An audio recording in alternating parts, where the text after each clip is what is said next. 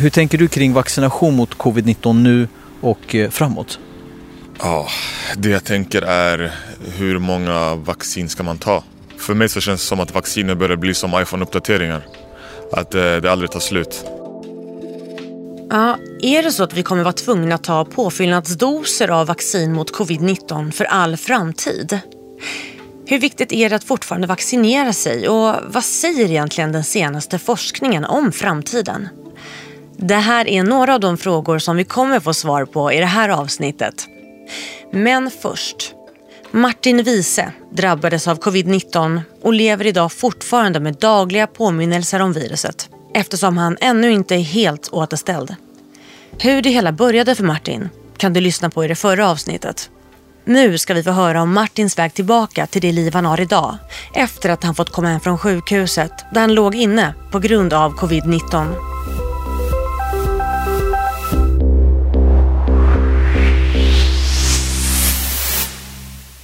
Långsamt liksom kunde jag börja promenera så där. Först kanske bara ett varv runt innergården och sen lite längre och lite längre och så vidare. Så här. Sen till slut kunde jag väl gå en runda på 4-5 kilometer och sånt där. Och, eh, så det var ju det som dagarna gick åt till att försöka liksom hantera allt, allt, alla de vardagsbestyr som trots allt måste göras. Och sen när du började jobba igen, hur, eh, hur gick det? Ja, det, det gick... Ja, det gick ganska trögt i början. Jag började jobba 25 procent.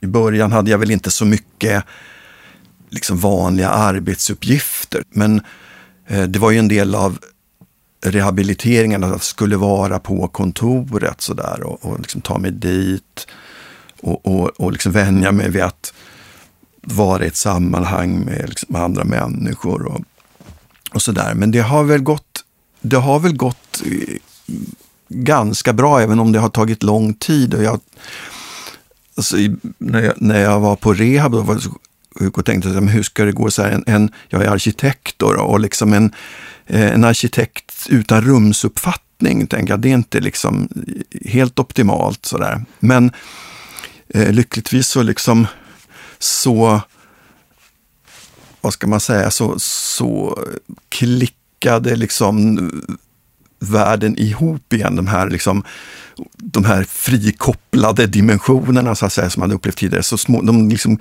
gled långsamt ihop och, och en vacker dag så, liksom, så, så hade de liksom klickat ihop och jag kunde, det var inte så här plötsligt, men jag kunde liksom konstatera någon gång att nej men nu, nu funkar nu har jag liksom, nu, nu kan jag börja bedöma avstånd igen och, och sådär.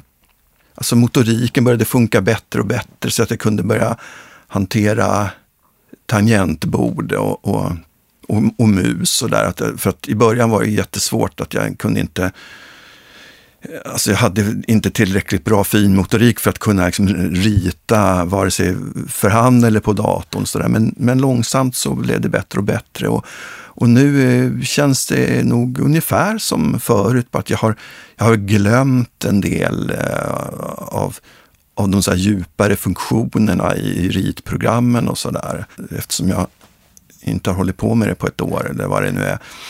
Men, men det, har gått, det har gått hyfsat bra. Det är, nu är det största problemet att jag blir så fruktansvärt trött.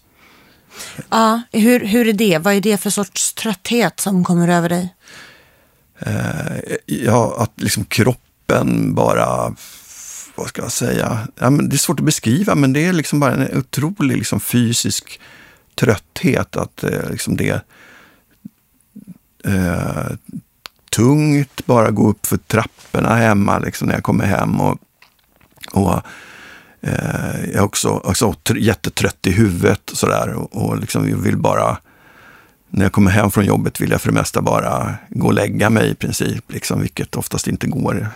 Eh, så, så att, och, och, det går också i perioder att, att jag har liksom svårt att sätta fingret på exakt vad det är. Det känns liksom inte som att, jag kan inte säga så att gör jag det här så mår jag sådär, utan det, det är lite oförutsägbart. Men, men det kommer så perioder där jag får en liksom väldigt kraftig värk i kroppen och huvudvärk och, och eh, blir otroligt trött. Och, så där. och det där, som sagt, vet jag aldrig riktigt när det kommer. Men, men eh, det, har ju, alltså, det har ju mycket med jobbet att göra när jag liksom jobbat lite mera intensivt ibland. Jag, eh, jag har inte återgått till heltid. Min sjukskrivning tog slut här för, ja, nu, har jag, nu minns jag inte, men för ett par månader sedan och sånt där. Och, eh, men jag känner att jag, jag, jag, klarar inte att, att jobba heltid och jag, jag, har inte, jag orkar inte jobba heltid och jag orkar inte liksom bråka med Försäkringskassan och dra det där. Så att jag har gått ner till 75 procent. Covid-19 finns ju fortfarande bland oss. Ja. Är du rädd eller hur går dina tankar? Eh, nej, jag är nog inte rädd längre. Jag har ju jag, har, jag är trippelvaccinerad, ungarna är vaccinerade och, och liksom alla, alla jag har runt omkring mig jag har tagit alla tillgängliga vaccin. Sen kan man ju bli sjuk ändå, men, men sen fortsätter jag att vara försiktig naturligtvis. Och sådär. Men, men nu när samhället har öppnat upp så är det svårt att undvika folksamlingar och sådär. När jag, jag försöker att cykla till jobbet när jag är tillräckligt pigg för det. Det, det är lite olika från dag till dag sådär. För att slippa trängas med folk i tunnelbanan. Och, sådär. Men jag har, jag har varit på ett par konserter och sådär. Och var på min dotters studentutspring. Sådär. Så att, eh, och, och då, man har i bakhuvudet förstås hela tiden liksom att det, men det finns den här oron att ja, men, man vet ju inte om han som står bredvid mig bär på någon liksom, smitta eller sådär. Men, eh, men jag vet inte. Jag, jag jag försöker nu att bara liksom vara försiktig inom, i, inom rimliga gränser och ändå leva ett normalt liv. Eh, och jag, jag förstår att, att, att, min situation inte, är ju inte normal, så att säga. Alltså de, för de flesta så är det en, som en influensa och så blir man bra igen. Och så där. Men, men det är en jävligt lurig sjukdom och jag vet fler som har drabbats på olika underliga sätt och som dras med långvariga problem. Så att ta det på allvar och, och gör vad ni kan för att det inte ska spridas. Och så här, ta era vaccin. Martin påminns varje dag om covid-19. Men hur tänker andra när det kommer till pandemins vara eller icke vara? Och när det gäller vaccinering? Har du eller någon du känner drabbats av covid-19? Jag var ju en av de här som inte riktigt trodde på covid när det kom. Alltså jag var lite så här, det är nonsens. Sen i början på december så fick jag corona ändå. Eh, och jag tappade smak och lukt och jag eh, fick lite ont i ryggen. Men det var inte mer än så. Alltså jag var inte så dålig länge utan jag kanske hade typ tre, fyra dagar. Ingen feber, ganska lugnt på julafton så fick jag jättesvårt att andas. Eh, så det slutade med att min familj ringde på ambulansen, så de kom. Eh, och då märkte man väl att min syresättning inte var jättebra, men ändå inte. Jag var inte så pass allvarlig att de behövde ta mig in, utan jag fick lite eh, medicin mot att hjälpa mig att andas. Och så var det liksom lugn och ro igen. Och sen några veckor senare bara gick jag ut och tog en lugn promenad. Och då var det igen, fick jag åka in. Fast då tog jag mig in till akuten för egen maskin. Eh, och även då så såg man att jag hade låg syresättning. För jag fick väldigt konstiga symptom. Jag var trött hela tiden. Mitt huvud är inte det det var innan. Liksom. Jag, jag fungerar inte på samma sätt. Jag måste skriva upp. Alltså det, jag kan gå hemma och liksom plocka med någonting och så bara...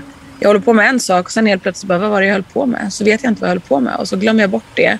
Så att jag måste skriva upp allt. Och nu har jag tvingats att ja, men ändra om. Typ nästan som när man, alltså man hör människor som får en stroke. Man måste lära sig tala på nytt, man måste lära sig leva på nytt. Och så känns det lite. Hela mitt väsen måste lära sig att liksom, fungera på ett nytt sätt. Hur ser du på pandemin just nu och i höst? Det känns lite läskigt att uh, man inte pratar om, um, om covid längre. Eh, ämnet i sig nämns inte i media överhuvudtaget. Nu känns det inte som att man pratar längre om covid på samma sätt. Så det är bara ett minne blott som har, som har mer eller mindre, mindre försvunnit. När man tänker på pandemi då blir man orolig. Jag blir orolig att det kan komma tillbaka. För att vara ärlig så känns det som att eh, pandemin inte existerar. Eftersom att media inte trycker på det så mycket så känns det som att det inte existerar. Hur tänker du kring vaccination mot covid-19 nu och eh, framåt? Ja, det jag tänker är hur många vaccin ska man ta? Det finns tre ute nu tror jag. Alltså, personligen för mig så känns det som att vacciner börjar bli som iPhone-uppdateringar. Att eh, det aldrig tar slut. Eh, så att eh, man kanske ska pausa med att ge tillfälliga doser tills man hittar någonting som, eh, som varar. För jag har tagit tre. tror att eh, vi är på väg till... Det är några som har tagit fyra också. Så fjärde. Så jag hoppas, hoppas att eh, vi kan få bättre vaccin. Förut var så här när vi var barn och var lite, jag tänkte ja men du ska vaccinera och det var normalt det är ingen fara. Det var inga sådana konstiga eh, nyheter och så att de använder som massa maskiner eller så här olika, eh, jag vet inte, bakterier och virus i de här. Men nu för tiden, jag var lite så här, jag kände inte för den liksom.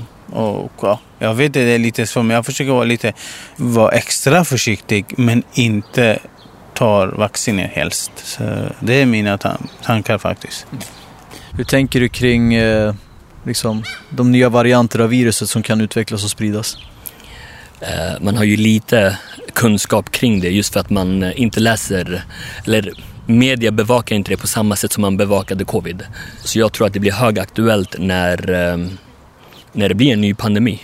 Eh, för, för tillfället så har jag inte så bra kunskap kring eh, det nya som konstant kommer. Någon som har kunskap om det här är Johanna Rubin, expert vid Folkhälsomyndigheten. Vad är det senaste som du kan berätta när det kommer till vaccinet mot covid-19?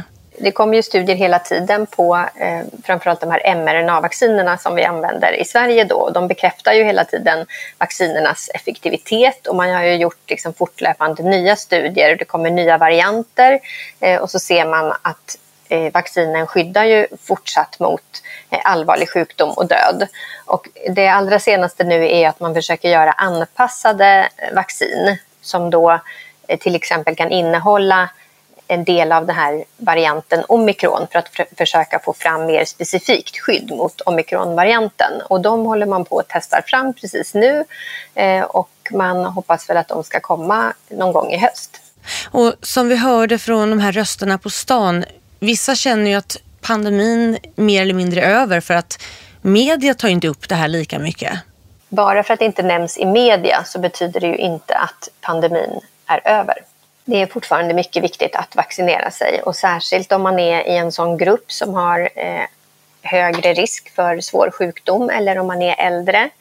För Viruset cirkulerar fortfarande och vi vet att man fortfarande kan få allvarlig sjukdom och även avlida av covid. Vi ser ju mycket färre fall nu av allvarlig covid, men det är ju också får man ju tänka in att så många i befolkningen är skyddade och då blir ju färre allvarligt sjuka.